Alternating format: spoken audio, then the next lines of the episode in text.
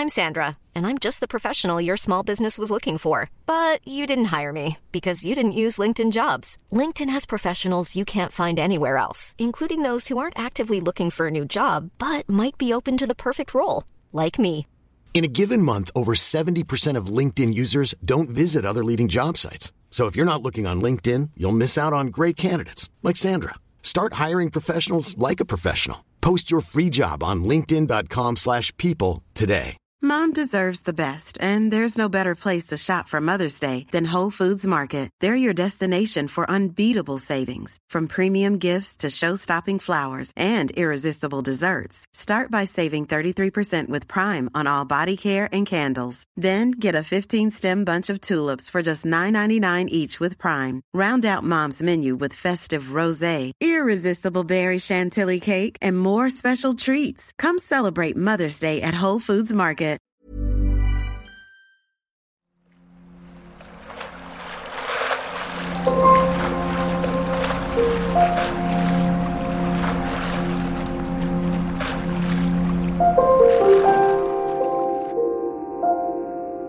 Ljudcirklar från Malmö Live konserthus. Hej och varmt välkomna tillbaka till ljudcirkeln Symfonisk musik från Malmö Live konserthus. Jag heter Sofia Nilsson och även denna gång har jag mina kollegor Emelie Sandgren Törn och Andreas Wetterlund med mig. Välkomna tillbaka. Tackar. tackar. Tackar, tackar. Och vi sa ju det förra gången att tanken med den här ljudcirkeln är att lotsa våra lyssnare in i den symfoniska musiken från lite olika håll. Och idag ska vi försöka få några förfall med den sorgligaste musiken vi vet. Tror ni att det här är en bra ingång? Ja, det tror jag nog. Jag tror redan eh, folks relation till musik, där man lyssnar på klassisk musik, är kanske redan där det är lite tårdrypande, såsom bröllop och begravningar och dop. Mm. Så man, jag tror redan det är en ingång för många redan innan utan att man tänker på det. Det är mer tillgängligt att man tar det utifrån ämnen istället för period eller eh, kronologiskt så att man, att man just tar ett lite vardagligare approach till eh, ämnena. Så att säga. Mm. Det är inte romantik för det betyder så olika för folk som är i musikvärlden eller utanför musikvärlden. Precis, om det är choklad och rosor. Eller om det är Eller om det är storslagen musik. och mycket känslor som man Ja. tänker om det är musik. Ja. Jag har liksom haft en tanke om att det är lite som en vinprovning. Har jag tänkt. Att man så här, testar lite druvor. Testar man ofta lite samma. Tycker man om det, ja men då kanske man fortsätter och lär sig mer. Tycker man inte om det tar man kanske ett annat distrikt. Tror ni att man kan ha lite sån tanke med musik? Absolut. Det, är, det går jättebra. Det finns ju, menar, vissa vill bara ha bubbel och bubblande och spru- sprudlande och andra vill ha tunga riocher och så här, Aman, Amarone. Så, här. så att det, Vilket vin är vi inne på idag? Ja, Det är ju inte bubbel. Är, det är ju inte bubbel, det är det inte. Nej, men det, det är nog rätt så, rätt så tungt skulle jag säga. Mm. Lite tu- tungare röda eller fylliga vita kanske. Jag sitter bara och tänker på en Carlsberg Hoff som den är ändå relaterar till eftersom att jag inte är så vinkunnig. Så att ni, ni, här dribblade ni bort mig. Är det så här det känns när man inte kan den klassiska musiken? Ja, det är det. Jag kände att jag var riktigt ute här.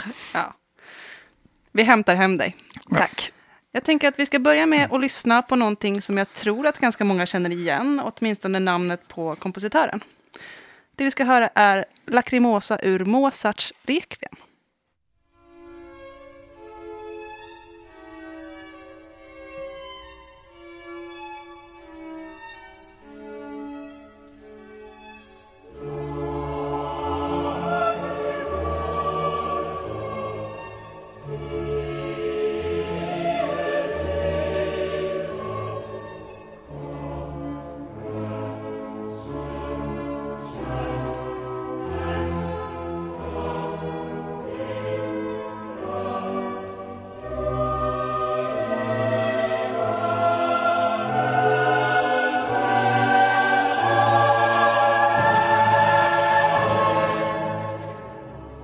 Varför har vi valt just det här stycket?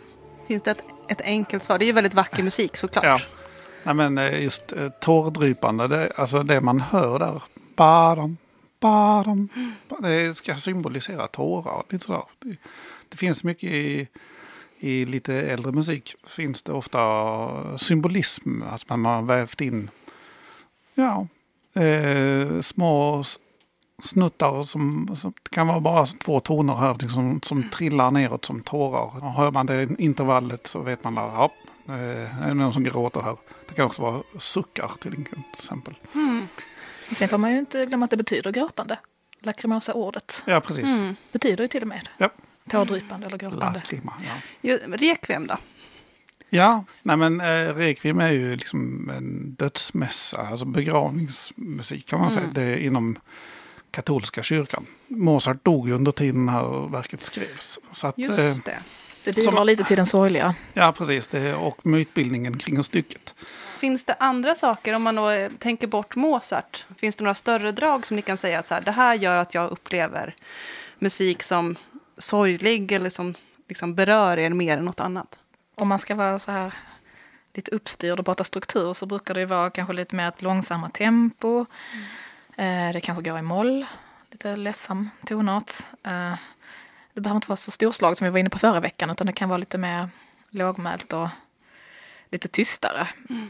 Men eh, jag tycker kanske mer att det inte behöver inte vara just att det är så sorgligt utan för mig handlar det mer om att man får till någon slags evig känsla. Jag vet inte, det här är svårt att förklara. Ja. Men, eh, eller att det handlar om vemod eller något som är bitterljuvt. Alltså det är det. Där tar Kanske det mer lite på mig. skört. Ja men skört ja. Jag tror jag, ibland när jag tänker på det så känns det lite som att man skulle vara den sista människan kvar på jorden. Mm. Och allting är bara helt still. Och så kommer ett musikstycke. Då, då liksom knyter det sig i magen. För mig är det mycket också, kanske inte bara liksom det tårdrypande så, utan känslosamma. Så det kan, och jag menar, det behöver inte bara alltid vara att det är jättevackert. Jag menar en, en kör på en skolavslutning.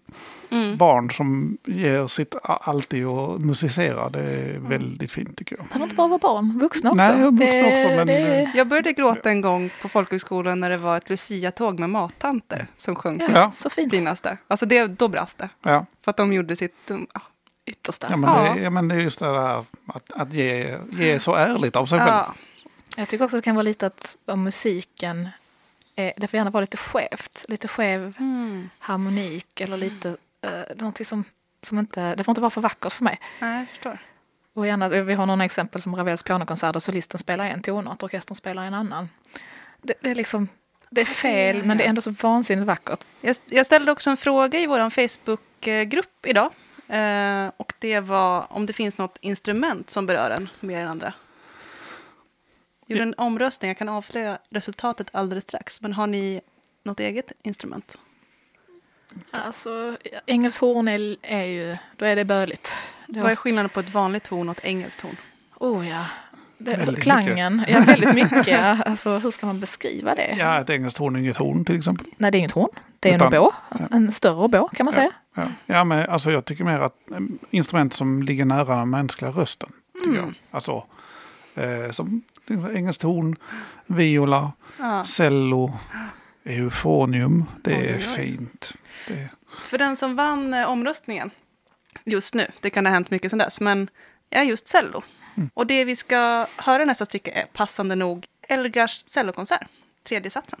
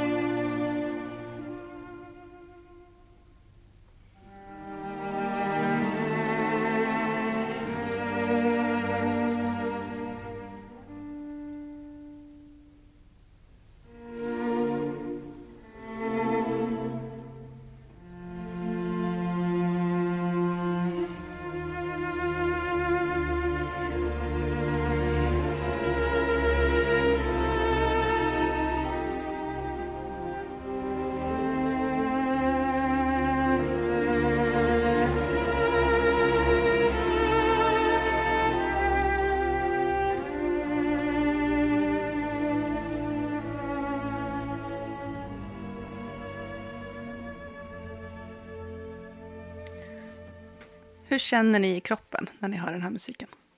ja, jag tycker man liksom sjunker ner liksom så. I en så här djupare andning på en gång. Ja. Det är liksom, man landar på något vis. Det är väldigt härligt. Ja. Den går ju inom kategorin oerhört vackert. Ja, ja. Alltså, den här, för mig så tycker jag det här är jättefint.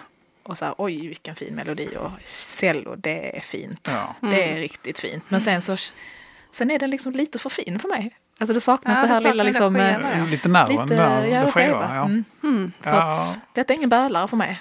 Jag tycker för mig är det så ganska stor skillnad om man tänker den musiken vi lyssnade på förra veckan i vad som händer i kroppen när jag lyssnar på den. Eh, när man tänker till exempel Tchaikovsky och Torque och sådär, då får jag väldigt tydliga bilder. Det är nästan som att det är film eh, i huvudet.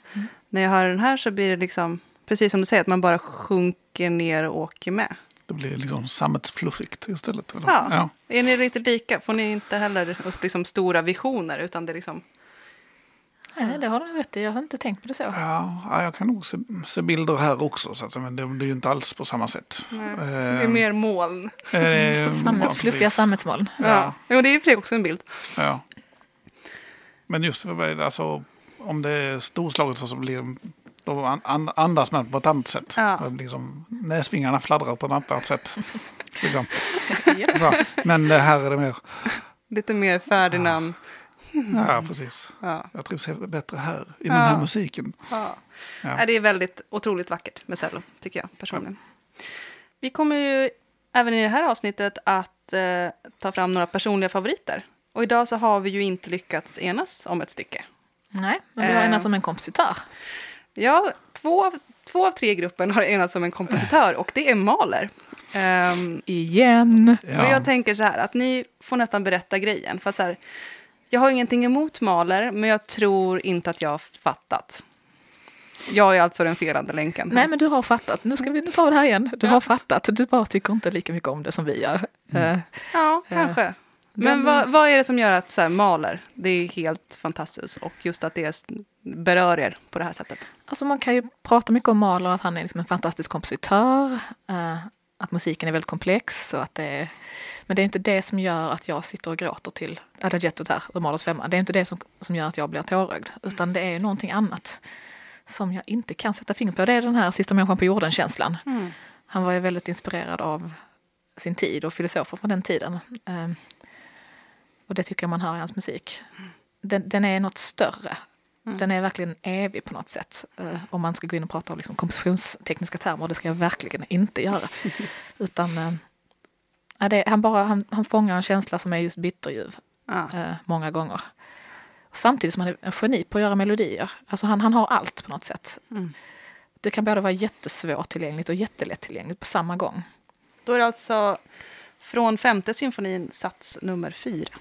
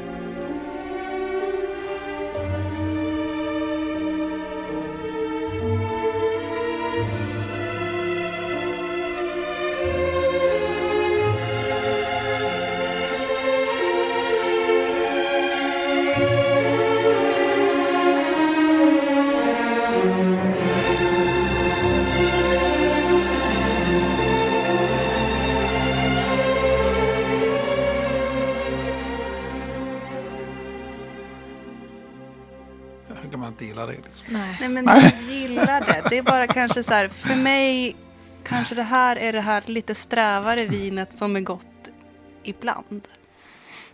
Men inte varje fredag. Eh, nej, det är ju alltid trevligt med omväxling. Men, Men någonting annars tycker jag så är med Mahler, han, han är ju verkligen i en i en tid i historien. Han, han kommer efter romantiken men innan modernismen. Han, han är liksom en brygga mellan två stilar. Det är som när de här hetlevrade romantikerna som då inte är choklad och rosor som vi pratade om innan utan nu är vi inne på, på genren här. Att när de har börjat liksom revolutionärerna blir trötta. Eh, det, och det tycker det låter lite så i musiken också. Någon som, någon som har blivit lite eftertänksam eh, Ja. på livet. Ja, han, han går ju liksom inte hela tiden. Alltså det är ju ändå, här är det ändå liksom, liksom här dur och mollkänsla, alltså vanlig. Det är inga jättekonstiga toner och så. Men han ändå luras ibland. Man, ofta man tänker att nu kommer liksom ett lite gladare ackord, så vänder han och gör ett mollackord istället. Så man liksom kastas ner i det dystra. Jag tror faktiskt att kanske exakt det där är det som gör att jag kan ha lite svårt för Mahler. Ehm, att jag ofta när jag lyssnar upplever att han har börjat på en grej och så säger han inte riktigt klart den innan han börjar på nästa. Att det svänger liksom väldigt snabbt. Att man, har inte, man får inte höra liksom hela frasen eller hela meningen för sen ska han liksom lura iväg någon annanstans. Du menar att symfonin blir lite för kort? Nej, det menar, jag, det menar jag inte. För de är ju superlånga allihopa. Nej, men det är någonting sånt där. Så, jag, Du vill ha ett slut liksom. ja, Ja, pra, eh, prata ur skägget. Ja, ja men det, det är nog, han har liksom inte så mycket punkter kanske Inga i musik. punkter. Utan det, det liksom går vidare. Lite som liksom det här, vad heter det, när man skriver utan punkter. Ja. Så upplever jag hans Ja. musik. Men återigen till filosofin lite. Mm. Det, jag tycker det knyter an till det också. Lite, Det blir inga punkter där inte. nej, det Han har inte några svar. musiken som James Joyce. Ja, precis. Ja, fast ja. Sist men inte minst så tycker jag att vi måste lyfta in någon annan kompositör i det här segmentet. Ehm, och jag tänker så här att jag har hört ryktesvägen, Emily, att den här musiken, Ravels Daphnis et Chloé, har en nästan till garanterad gråteffekt på dig. Stämmer det? Det är riktigt. Det är, det är också en sån som jag inte riktigt kan förklara varför. Men eh, den här är inte heller så sorglig, utan den är kanske mer glad. Eller är den glad? Är den ledsen? Ingen vet. Återigen, det skaver lite. Ja, men, Ett återkommande tema ja, för dig. Men den här har allt. Den skaver lite, den är lite vacker. Är den glad, är den ledsen? Eh, och sättet som Ravel bygger upp, speciellt den här satsen, eh, där han liksom kramar ur allt man har. Man tänker liksom, nej men nu, nu pallar han inte dra mer på det. Och så gör han det. Mm. Och då är det kört. Och då gråter Ja, då är det, då är det helt kört.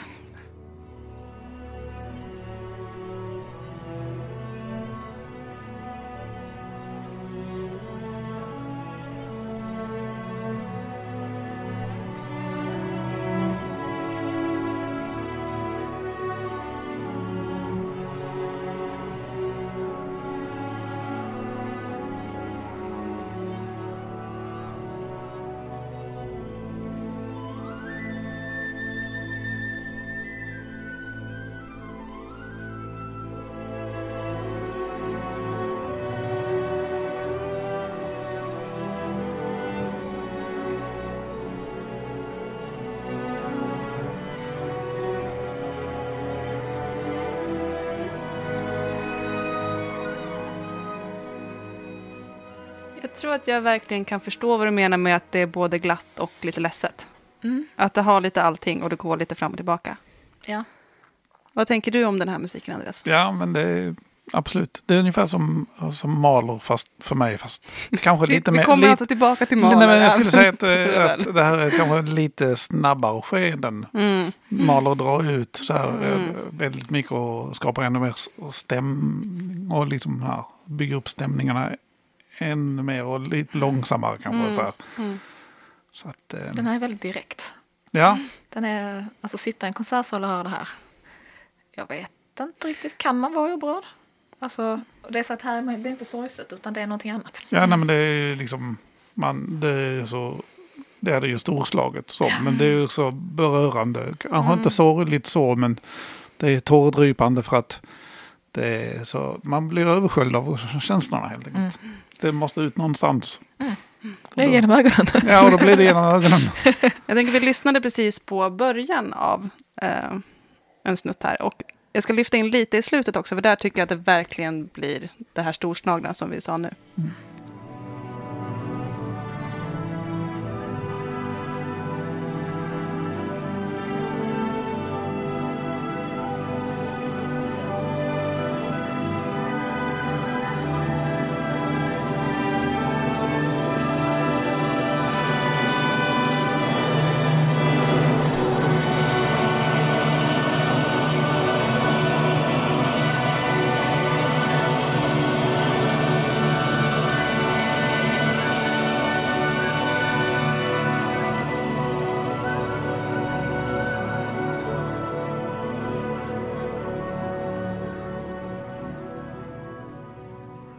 Ja, men det är, ju, det är ju helt fantastisk musik. Det tror jag att vi kan enas om, även om det inte är Mahler. Jag kommer ha den med på alla teman. Ja. För den uppmärksam kan också säga att jag hade den på storslag. På, på Ja, det är faktiskt helt musik. sant. Du nämnde den. Jag kommer ha den med Mm. på alla program. Ja, det ser vi fram emot. Maler passar in överallt. Också. Ja, vi ser hur det blir med det. Ja. Sen har vi ju veckans bubblare. Eh, och jag känner spontant att bubblare är helt fel ordval. För det känns nästan respektlöst glatt för det här stycket. Men det är i alla fall någonting som är lite mindre känt. Eh, vi ska lyssna på andra satsen ur Henrik Goretzkis tredje symfoni. Som också kallas De sorgsna sångernas symfoni. Och Andreas, kan inte du berätta lite om det här stycket innan vi lyssnar?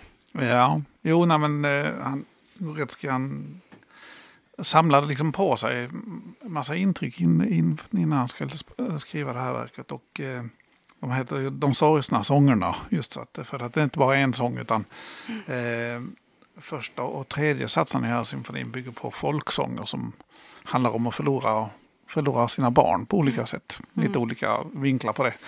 Eh, och det är ju...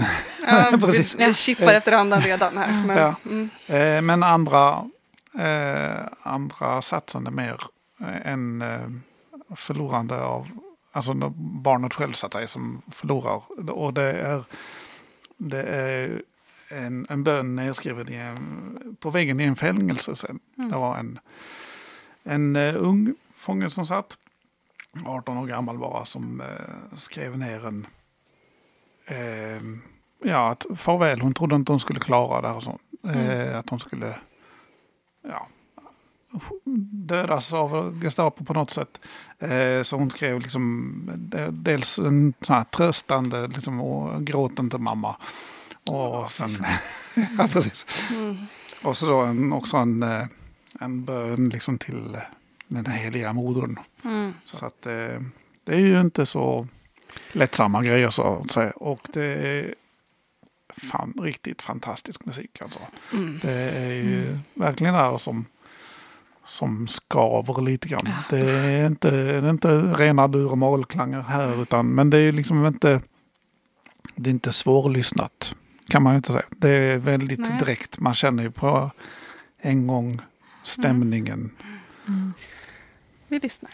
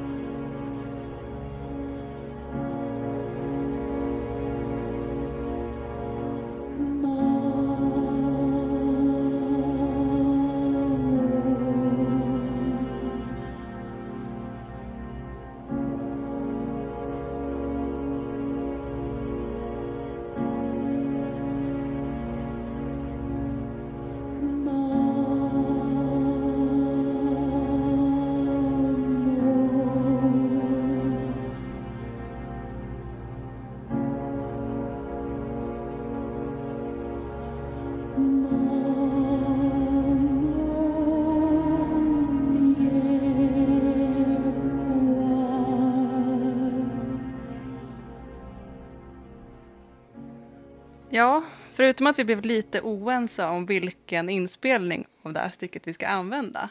ehm, så är ju det här någonting för mig som golvar mig på något sätt.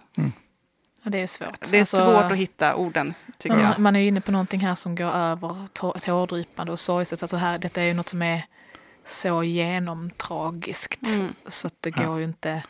Man Ja, kan ju knappt ens prata om det. Så är det någon som har satt musik till det. Mm. Det är så hemskt. Ja, alltså även, även om man inte har översättningen av eh, texten till han, han som inte kan polska, vilket jag inte kan, så känner man ju ändå att det här, slår hårt. Ja. Eh, Just så man att, hör eh, den här lite, ah, ja, när man Ja. vet historien. att- det är så lugnt och stilla i den Ja, här liksom, det är så totala verkligen- eh, verkligen. tragedin. Ja. Mm. Men, men eh, hon överlevde faktiskt äh, när hon kom ut ur Gestapo-fängelset och äh, äh, gifte sig i alla fall. Och jag tror hon har, jag har sett äh, att hon har fått barn också. Men, men jag vet, hon är väl antagligen avliden nu själva. Mm. Men då borde hon ju ha hört det här verket i alla fall. Kanske. Det är inte helt omöjligt. Nej. Ja, det är otrolig, eh, det är en otrolig historia, otroligt vacker musik. Och det, det roliga med just den här inspelningen då, är att min referens är att jag satt och så här, men varför låter det som Sigur Rós? Det är ju väldigt intressant. Det är inte jätteofta det händer mig när jag lyssnar på symfonisk musik. Men Emily hade svaret på varför. Ja, för det är Portisheads sångerska Beth Givens som sjunger. Mästaren av melankolisk pop kan man säga. Ja, Så det, det hade sina orsaker. Mm. Kan det också vara orsaken till att jag gillar den här inspelningen men inte du, Andreas? Ja, precis. Ja, jag vill ju ha Upshaws. Väldigt, Och den finns i spellistan. re- väldigt rena sopran. Och eh, on that happy note, eller vad vi ska säga, så är det slut för idag. Tack Andreas och Emily för att ni är med. tack själv. Tack själv.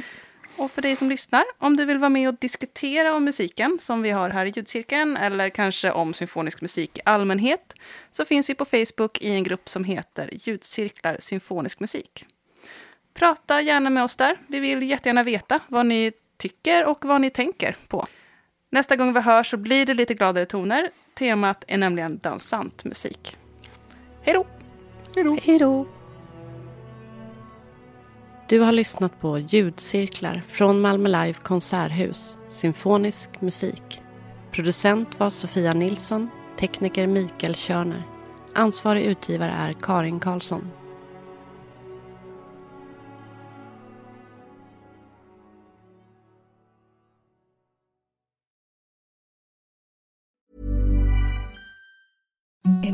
The softest sheets you've ever felt. Now imagine them getting even softer over time. That's what you'll feel with Bowl and Branch's organic cotton sheets. In a recent customer survey, 96% replied that Bowl and Branch sheets get softer with every wash. Start getting your best night's sleep in these sheets that get softer and softer for years to come. Try their sheets with a 30-night guarantee. Plus, get 15% off your first order at bowlandbranch.com. Code BUTTERY. Exclusions apply. See site for details.